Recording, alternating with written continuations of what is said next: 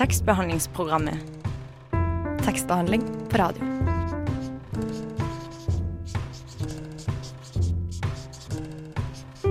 Tekstbehandlingsprogrammet.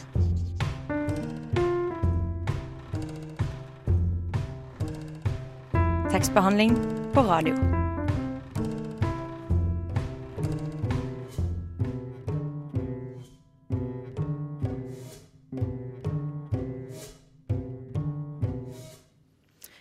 Og velkommen til tekstbehandlingsprogrammet her på Radio Nova. Eh, I dag så har vi med oss Rita Paramalingam, som har debutert med 'La meg bli med deg'. Eh, vi skal snakke med henne om eh, både hvordan det er å debutere som forfatter, og selve boka om litt. Men først, Idun, har du gjort noe bok, bokrelatert i ferien eller i det siste? Jeg har lest altfor lite i sommer. Jeg har akkurat begynt igjen nå som høsten har kommet. Um, men jeg eh, må si at eh, jeg skal kjøpe veldig mye bøker nå. For, for første gang på ganske lenge så trenger jeg ikke å kjøpe pensumbøker, for jeg er ikke student lenger. Så da kan jeg bruke alle de pengene på vanlige bøker som jeg har lyst til å lese isteden. Det høres veldig fint ut. Jeg må kjøpe litt pensum sjøl, men i dag var jeg på forlagenes store boksalg, som det vel kanskje heter. Og kjøpte et par bøker. Syns de hadde veldig mye bra i år. Blant annet en av favorittbøkene mine som heter 'Den hemmelige historien' av Donna Tartt. Det er bare 60 kroner. Så den anbefaler jeg alle å kjøpe, for den er kjempebra. Og jeg klarte klart å bare kjøpe én bok som hadde sjåfør, før. Så jeg er veldig fornøyd med utfallet av den turen. Eh, men nok om det.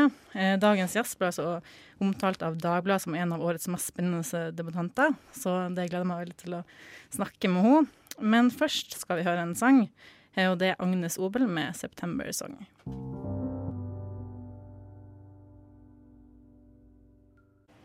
Dagens første sang var Agnes Obel eh, som sto for. Eh, det var 'September Song', og den var valgt av dagens gjest. Eh, velkommen til oss, Rita. Jo, takk. Eh, jeg tenkte jeg skulle starte med et eh, Det jeg tenkte var et lett spørsmål. Eh, nemlig hva er det boka di 'La meg bli med deg' handler om? Ja, det burde jo kanskje vært lett, men det er ikke så lett. Men for meg så handler denne boka om eh, hvordan eh, det å oppleve undertrykkelse manifesterer seg i videre oppførsel og atferd. Eh, og da spesielt i så ung alder. Og også hvor tilpasningsdyktige mennesker er. Ja, og det du sa nå, og det måte, jeg har satt igjen med etter å ha lest boka, er jo at den er jo kanskje eh, ganske dyster. Men er du enig i det, eller? Ja, øh, jeg kan være enig i at resultatet, da, altså disse 104 sidene, er dystre. Jeg har tre år på å skrive den, uh, så jeg har på en måte blitt kjent med den på ganske mange måter. Men jeg syns liksom at det er veldig mange positive ting også. Uh, en av de tingene som var veldig viktige for meg mens jeg skrev den, var jo f.eks. å lage karakterene sterke eh, og selvstendige. Så jeg visste at når jeg var ferdig, så ville de kunne klare å ta valg, da. Gode valg. Eh, som var bra for dem selv, og det føler jeg Da kan liksom ikke boka være bare deprimerende. Men jeg er enig i at det som vises her, er ganske dystert. Du sa du hadde tre år på å skrive den, um, men hvordan ble på en måte ideen til, og boka hvordan, Hvor kom den fra, på en måte? Um, jeg var litt over 19 år da jeg skrev det aller, aller første. Det var på engelsk. Da hadde jeg liksom hatt et år da, hvor jeg hadde flytta hjemmefra. Uh, og så gikk jeg liksom Bodde jeg i Berlin og var liksom veldig hadde, altså, hadde ikke så mye kontakt med foreldrene mine fordi jeg bodde i Tyskland, da, øh, og heller ikke familien min, så jeg liksom gikk gjennom en sånn fase da hvor jeg tenkte mye på liksom, oppvekst og hvem man blir av å vokse opp i den familien man vokser opp i, og sånt. Uh, og så satte jeg meg ned, og så begynte jeg Og så hadde jeg liksom et behov da for å skrive om et barn som ikke har blitt fått mye omsorg og ikke mye kjærlighet, liksom, men hvordan man som barn vil prøve å kopiere eh, ideer av f.eks. en lykkelig familie eh, og det å ha det bra. Eh, men akkurat den sekvensen er ikke med i boka, men det var egentlig sånn det starta. Ja, Visste du hele tida hva slags bok eh, det skulle bli? Nei, det gjorde jeg ikke. Um, det var egentlig først Altså, jeg begynte med den Jeg har ikke skrevet like mye på den hele tida, men jeg starta med den i 2000 og høsten 2013. Og det var først liksom våren 2015 jeg visste hvordan type bok det skulle bli. Og jeg har jo skrevet mye mer enn det som er her, som ikke har blitt med. Jeg har jobbet veldig mye med å gjøre den så kort som mulig. Eh, men nei, jeg visste ikke hvordan type bok det skulle bli. Og tittelen 'La meg bli med deg', kan du fortelle litt om den? Hva, hvor kommer den fra?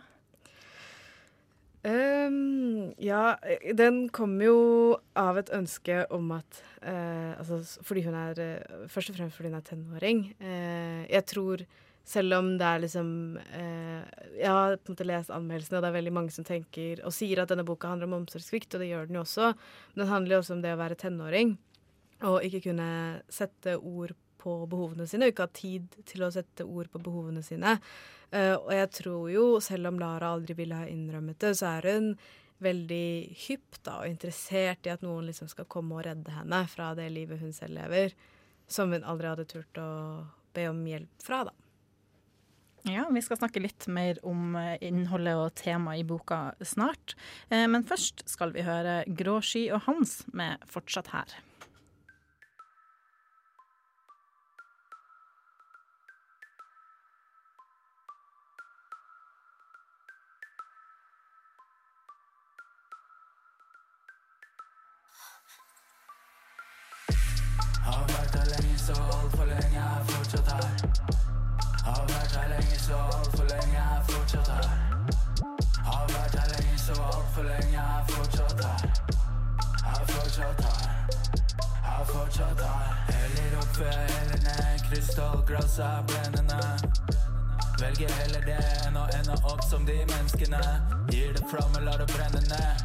Denne går til tingen jeg kjenner ikke.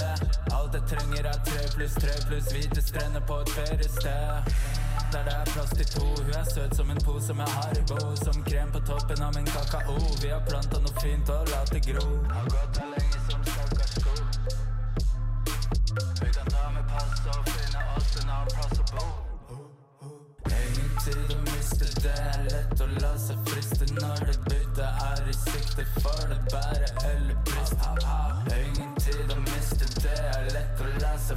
friste når det byttet er i sikte. For det bære eller briste. Ingen tid å miste. Det er lett å la seg friste når det bytter, er i sikte. For det bære eller briste. Ingen tid å miste. Det er lett å la seg friste når det byttet er i sikte. For å bære brist. Har vært her lenge, så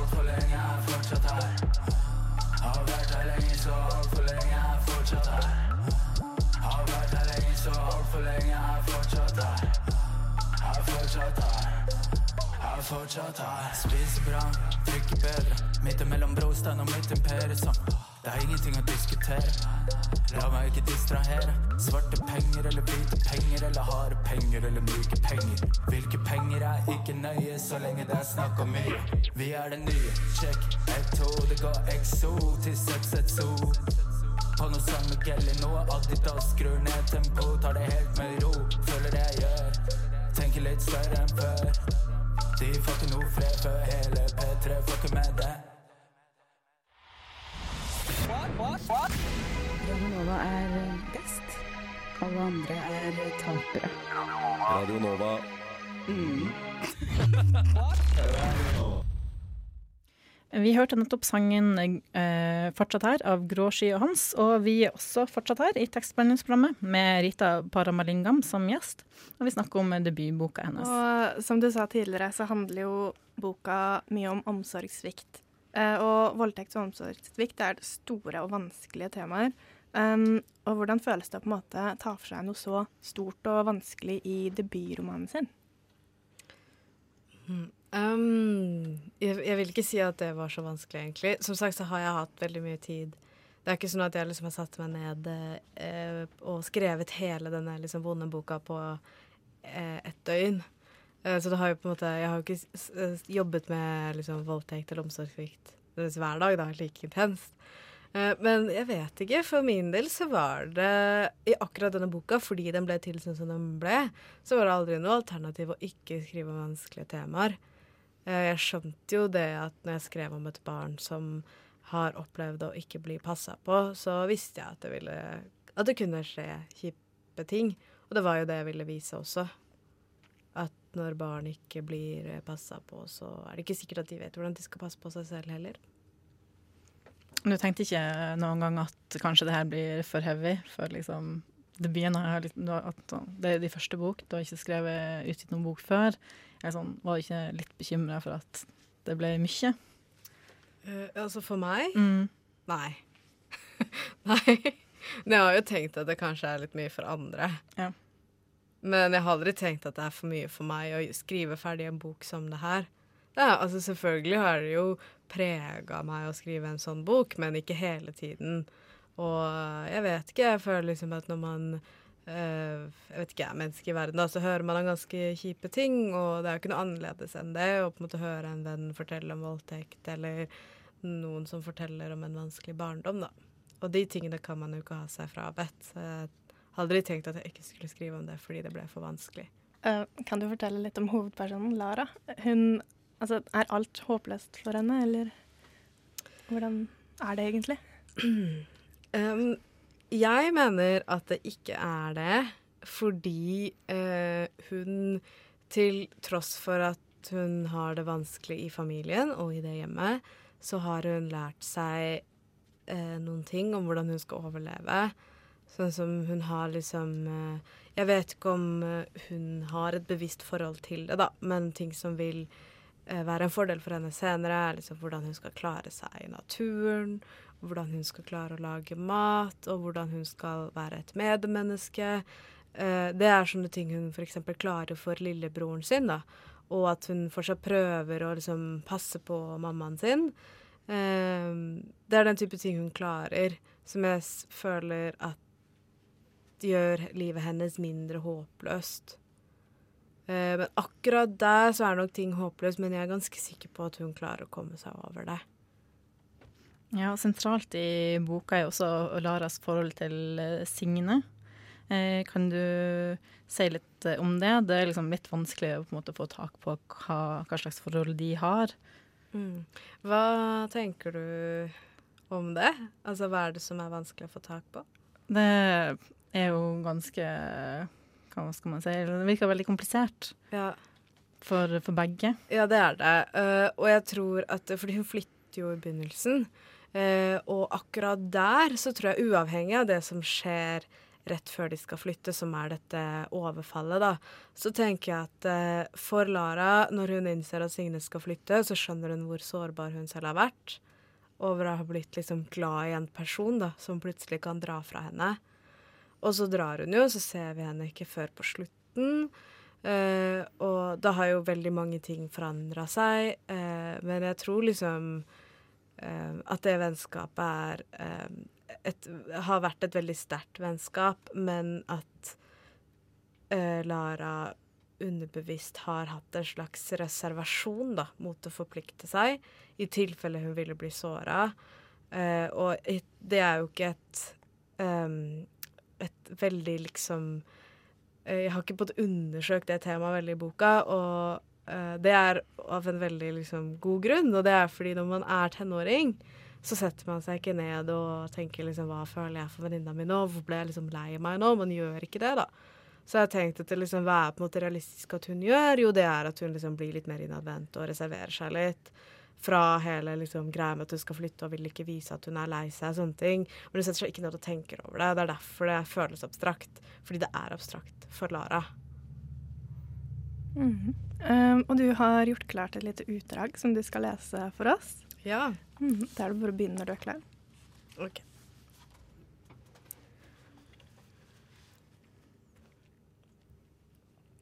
Det er årets første dag med snø. Ved skogkanten har snøen smeltet, barken på bakkene er våt. Jeg vil gå til hytta.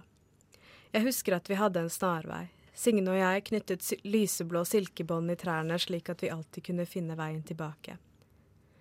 Jeg får ikke øye på dem nå, enten er de borte, eller så er det for mye snø. Jeg går meg vill, men jeg vet at denne skogen ikke er så stor, at en av stiene må lede til hytta. Jeg har ingen anelse om hvor jeg er, før jeg plutselig ser kanten av et tak. Det er ingen spor etter sko i snøen, og ingen røyk fra pipa. Det var Signe som oppdaget hytta en dag vi plukket brennesle tidlig på sommeren. Ly var forkjøla og spurte om jeg kunne gjøre det for henne. Hun skulle tørke neslene og lage te av dem. Signe ville være med. Vi måtte finne de mørkeste stedene i skogen, der brennersen ennå ikke hadde rukket å blomstre. Signe syntes det var kjedelig å klippe blader. Hun gikk i forveien. Jeg klippet blad etter blad og la dem i bru brune papirposer. Ly hadde gitt meg et par sorte hansker tidligere den dagen, men jeg plukket dem slik hun hadde lært meg fra undersiden, slik at neslen ikke brenner fingrene. Jeg fulgte stien til jeg så Signes spor ta inn på en sti mot en lysning. Hun må ha funnet et bra sted med mye brennesle, tenkte jeg. Jeg kom frem til en sort hytte med turkise karmer. Rundt hytta var det et stort stakittgjerde, porten sto på gløtt. Jeg så at Signe sto foran hytta med ryggen til meg og tittet inn gjennom et vindu. Hva gjør du? ropte jeg. Hun snudde seg og vinket meg bort til seg. Hva har du funnet? spurte jeg. Det er ingen som har vært her på lenge, sa Signe. Se så støvete det er. Jeg stelte meg ved siden av henne og kikket inn. Vi kan bo her, sa hun. Jeg trakk meg unna vinduet. Det er ikke vårt, sa jeg. Men det er ingen som bor her. Det er ikke lov å bryte seg inn i andres hus, sa jeg. Men den regelen gjelder ikke når ingen bor her, svarte hun. Nesa hennes lå klistret mot vinduet. Vi kan vaske og gjøre rent og bo i denne stua, det er til og med et stort spisebord med seks stoler. Vi kan hente soveposer, og så kan vi flytte inn her og være fri, sa hun.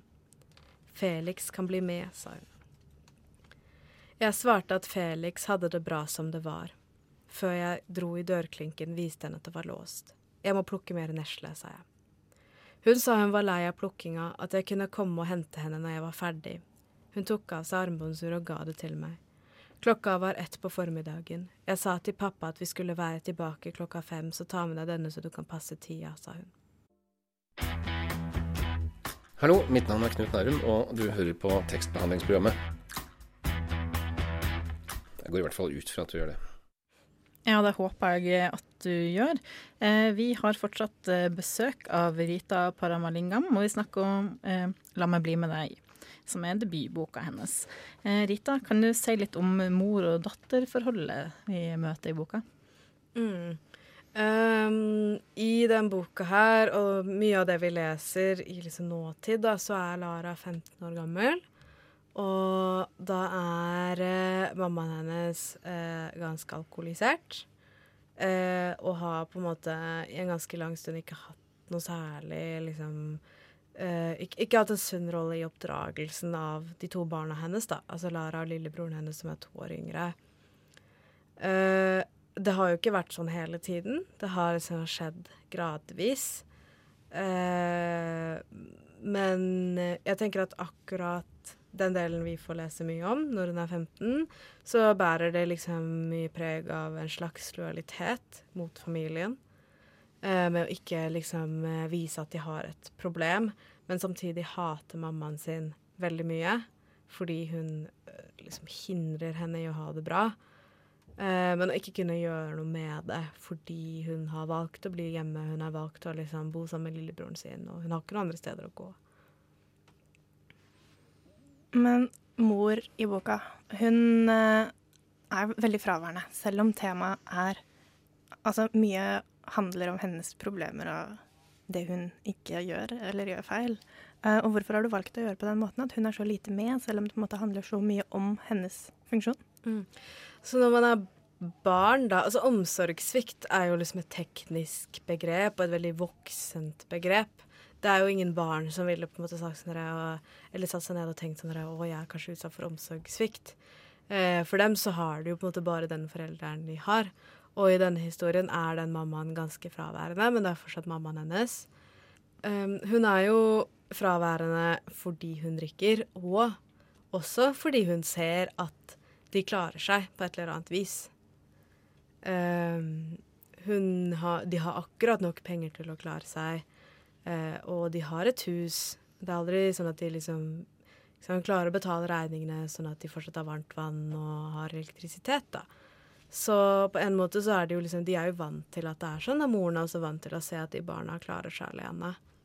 Derfor så kan hun også være fraværende. Men samtidig så er det jo sånn at uh, tidligere i, de, i livet deres, da, når de er litt yngre, så er det jo sånn at man Altså, hun viser jo også en slags kjærlighet når hun må, da. Og en omsorg når hun må.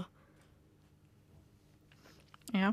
Har du fått eh, noen tilbakemeldinger på liksom, selve tematikken som du tar opp i boka, både den vi snakka om nå, og så voldtekt, som også er sentralt? Uh, ja, altså jeg var jo med i et NRK-intervju. Uh, da fikk jeg en del tilbakemelding på at det er et viktig tema. Uh, men jeg har jo skrevet en roman, og ikke en slags liksom hjelpebok eller noe sånt. Men jeg visste jo at liksom når jeg skriver om noe så tungt som liksom et overgrep utført av eh, ste, altså kjæresten til moren, da, eh, så er jo det et, et helt annet type overgrep. Eh, Det er jo på en måte en del av omsorgssvikten moren, altså moren utsetter barna for. Ehm, fordi hvis hun hadde vært mindre fraværende, så tror jeg ikke hun hadde blitt voldtatt av stefaren sin. Eh, så jeg har jo på en måte tenkt at uh, man må liksom vise at hun klarer seg på et eller annet vis også. Og det tenker jeg at hun kommer til å gjøre det. Uh, så jeg har regna med at folk som vil lese den, vil ha et sånt lite behov, eller et behov for å se at det går bra. Men jeg syns ikke at det var rettferdig å vise det, fordi det kommer ikke til å gå bra med det første. Men jeg har ikke fått noen sånn Jeg har ikke fått noen kommentarer på at det er liksom feil, eller at det er riktig. At det er et vanskelig og viktig tema, har jo folk sagt. Ja. Som du sier, så det er jo en roman, det er ikke noen hjelpebok. Men har du vært liksom, opptatt av at det skulle være realistisk? Ja, veldig. Eh, denne boka er veldig drevet av karakterene. Så jeg har på en måte liksom de, de, det, det første året eh, så brukte jeg en ganske god, mye tid på å liksom skrive om dem som barn. For å bli kjent med For å vite hva de kommer til å gjøre som voksne. Uh, så jeg vil si at uh, liksom Ja, at jeg har vært veldig opptatt av liksom, liksom hvordan liksom fungerer hjernen til et barn som på en måte Ikke bare på en måte, men som faktisk har blitt utsatt for den type omsorgssvikt. Samtidig som hun liksom har hatt en bror, og. Det har vært veldig viktig for meg at jeg skal være realistisk. Det er faktisk det eneste Jeg har blitt veldig lei meg hvis hun hadde kommet og sagt sånn eller Det der ser jeg ikke for meg at kunne Altså, jeg ser ikke for meg at hun kunne ha tenkt sånn eller gjort sånn. Da hadde jeg faktisk blitt sånn Å, herregud. Er det sant? Ja. Eh, nå skal vi høre en sang som kanskje ikke helt passer til den som vi snakker om nå, men likevel. Eh, fordi Sofie Elise er ikke den eneste skandinaviske bloggeren som ønsker å være artist. Eh, nå skal vi høre en sang av bloggeren Fie Laur Laursen, som heter Justin. Det var altså bloggeren eh, som jeg ikke husker hva heter. Fie, ja, nemlig. Eh, vi har fortsatt besøk av Rita her i tekstbehandlingsprogrammet. Eh, og nå har vi jo snakka litt om temaet i boka, så tenkte vi kunne snakke litt mer om å skrive boka. Eh, så da tenkte jeg at jeg skulle spørre om eh, hva du har lært av eh, skriveprosessen, eller liksom, bokprosessen i sin helhet, som du gjerne skulle ha visst på forhånd. Mm. Um, jeg har jo tenkt at siden jeg er så ung og har fått denne muligheten, da, at jeg har uh, måte prøvd å legge merke til liksom, alle feilene jeg gjør, og liksom, ja, hva som på en måte skjer i min egen prosess. da. Og i den boka her så måtte jeg liksom knekke en eller annen kode, for jeg visste liksom hvilken, fortell, altså hvilken historie jeg ville fortelle, men jeg visste ikke helt hvordan jeg skulle fortelle den. Så det er en ting at noen ganger så må man bare liksom skrive seg frem til boka, da. Eh, en annen ting jeg har lært, er at folk syns det er veldig kult at du skriver, men det er veldig, veldig kjedelig å skrive.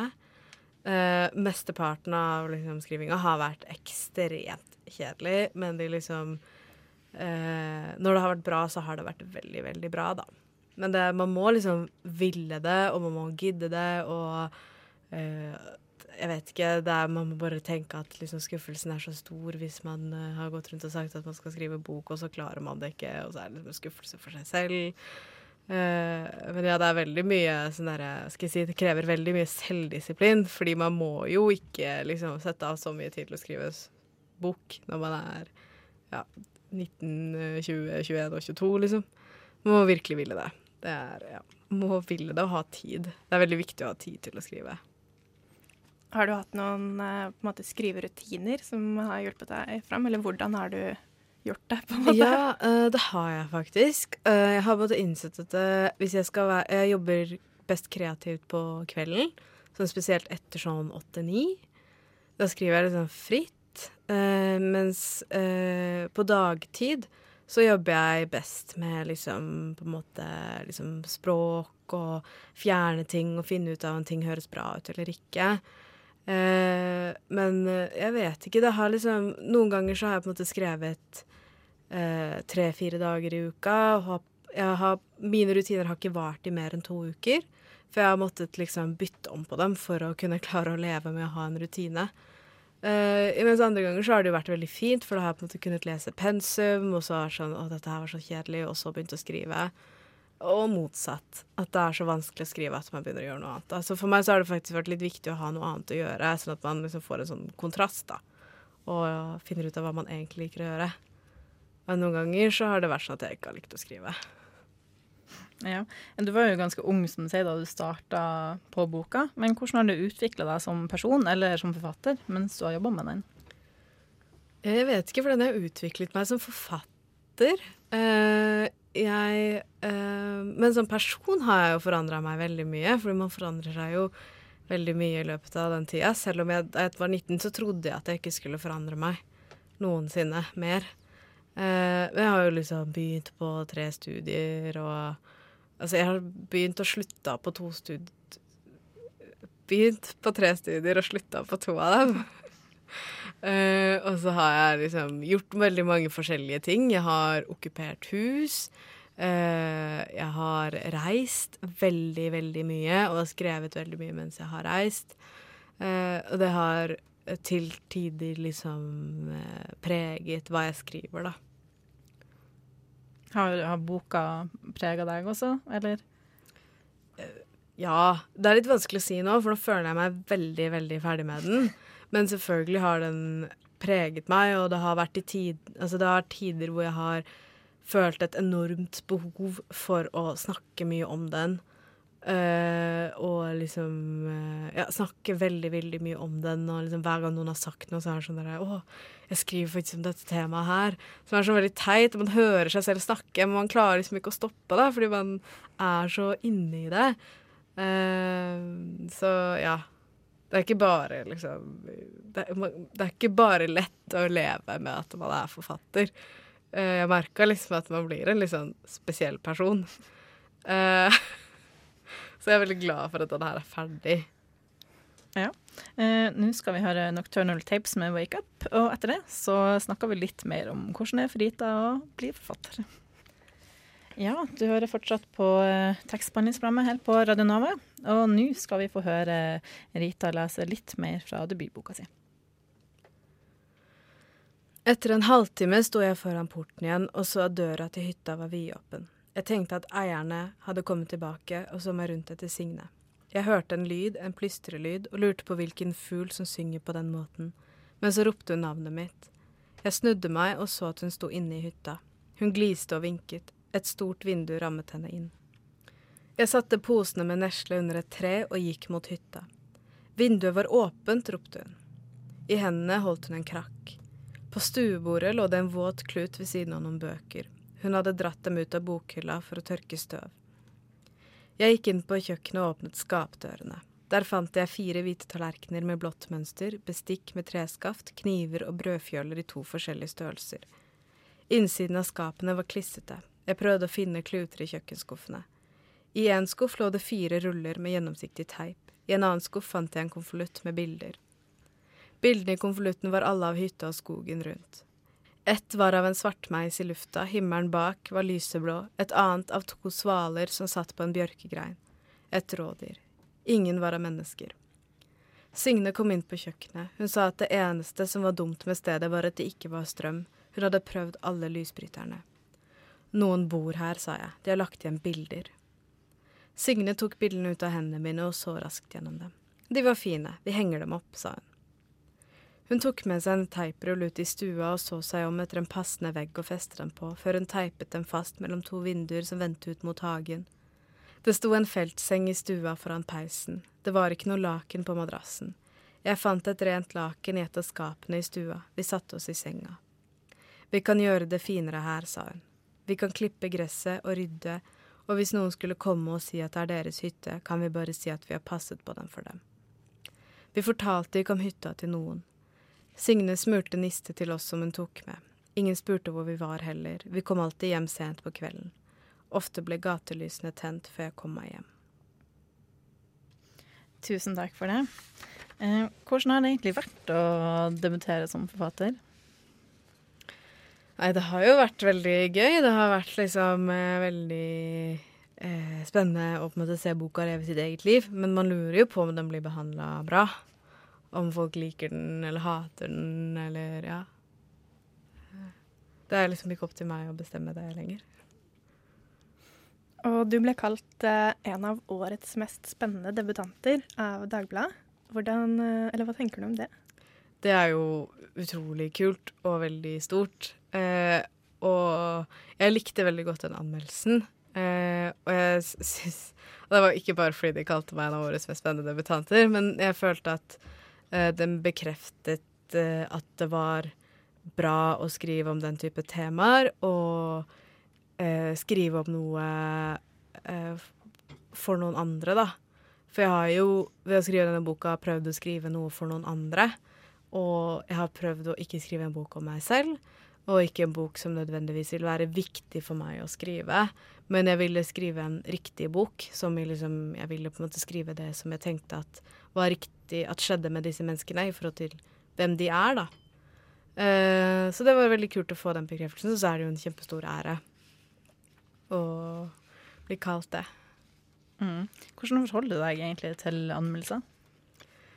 Uh, altså, de gode anmeldelsene er jo veldig kule å få, men eh, jeg tenker jo også at uh, det handler mye om personen som leser.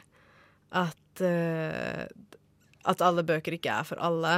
Uh, og jeg visste jo spesielt at denne boka her ikke vil være for alle.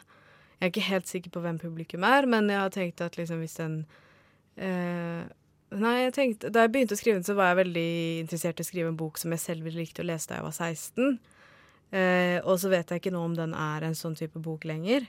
Men jeg tenker at liksom, hvis det er noen der ute som på en måte vil ha nytte av den, da, så er det bra. Og det kommer jeg sikkert ikke til å få høre om. Men det er litt sånn jeg forholder meg til anmeldelser også. At det er liksom noen sin personlige mening. Bare at de selvfølgelig er litt flinkere til å lese bøker enn andre, da. Og neste gang vi leser noe av deg, kommer det til å ligne da på La meg bli med deg, eller blir det noe helt annet? Eh, nei, det kommer ikke til å ligne Eller det uh, Jeg har allerede begynt på bok nummer to. Og det jeg gjør der, fordi i La meg bli med deg, så er det jo sånn at uh, Lara ikke får så mye empati hjemme av de voksne rundt seg, og hun må på en måte finne selv Altså hun må selv finne ut av hva hun føler for andre, da. Uh, og de tingene andre føler for henne, er ikke bare bra, og det er ikke så veldig synlig. Eh, men jeg tenker at i neste bok så har jeg tenkt å skrive om noen som uh, faktisk har det bra med liksom de hun har rundt seg, men at eh, det er andre ting, da. Andre liksom utenforliggende ting som gjør det vanskelig. Mm, det høres spennende ut. det. Og tusen takk for at du tok deg tid til å komme til oss i dag. Eh, så tenkte jeg også skulle huske å nevne at lanseringsfesten for boka er i morgen torsdag. Hvor var det den var igjen? På biblioteket på Skaus plass, Mm, klokka? 1930. Så er det bare for de som ville komme. Mm, alle kan komme. Så bra. Tusen takk igjen for at du kom hit. Tusen takk. Nå skal vi høre Miley Cyrus med 'Younger Now'. Det var det vi hadde for i dag. Tusen takk for at du hørte på. Vi høres igjen neste onsdag fra 10 til 11 på Radio Nova. I mellomtiden så kan du høre på podkasten vår på iTunes eller SoundCloud, eller der hvor du har lyst til det. Ja, og så finnes vi også på Instagram, Da vi legger ting innimellom. I studio i dag så var det meg, Stine Spjelkavik Hansen. Og meg, Idun Solheim Svarverud. Og meg, Theodor Skaufel. Sånn takk. jeg.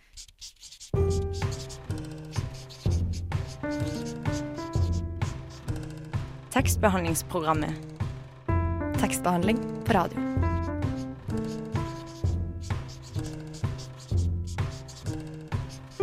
Tekstbehandlingsprogrammet.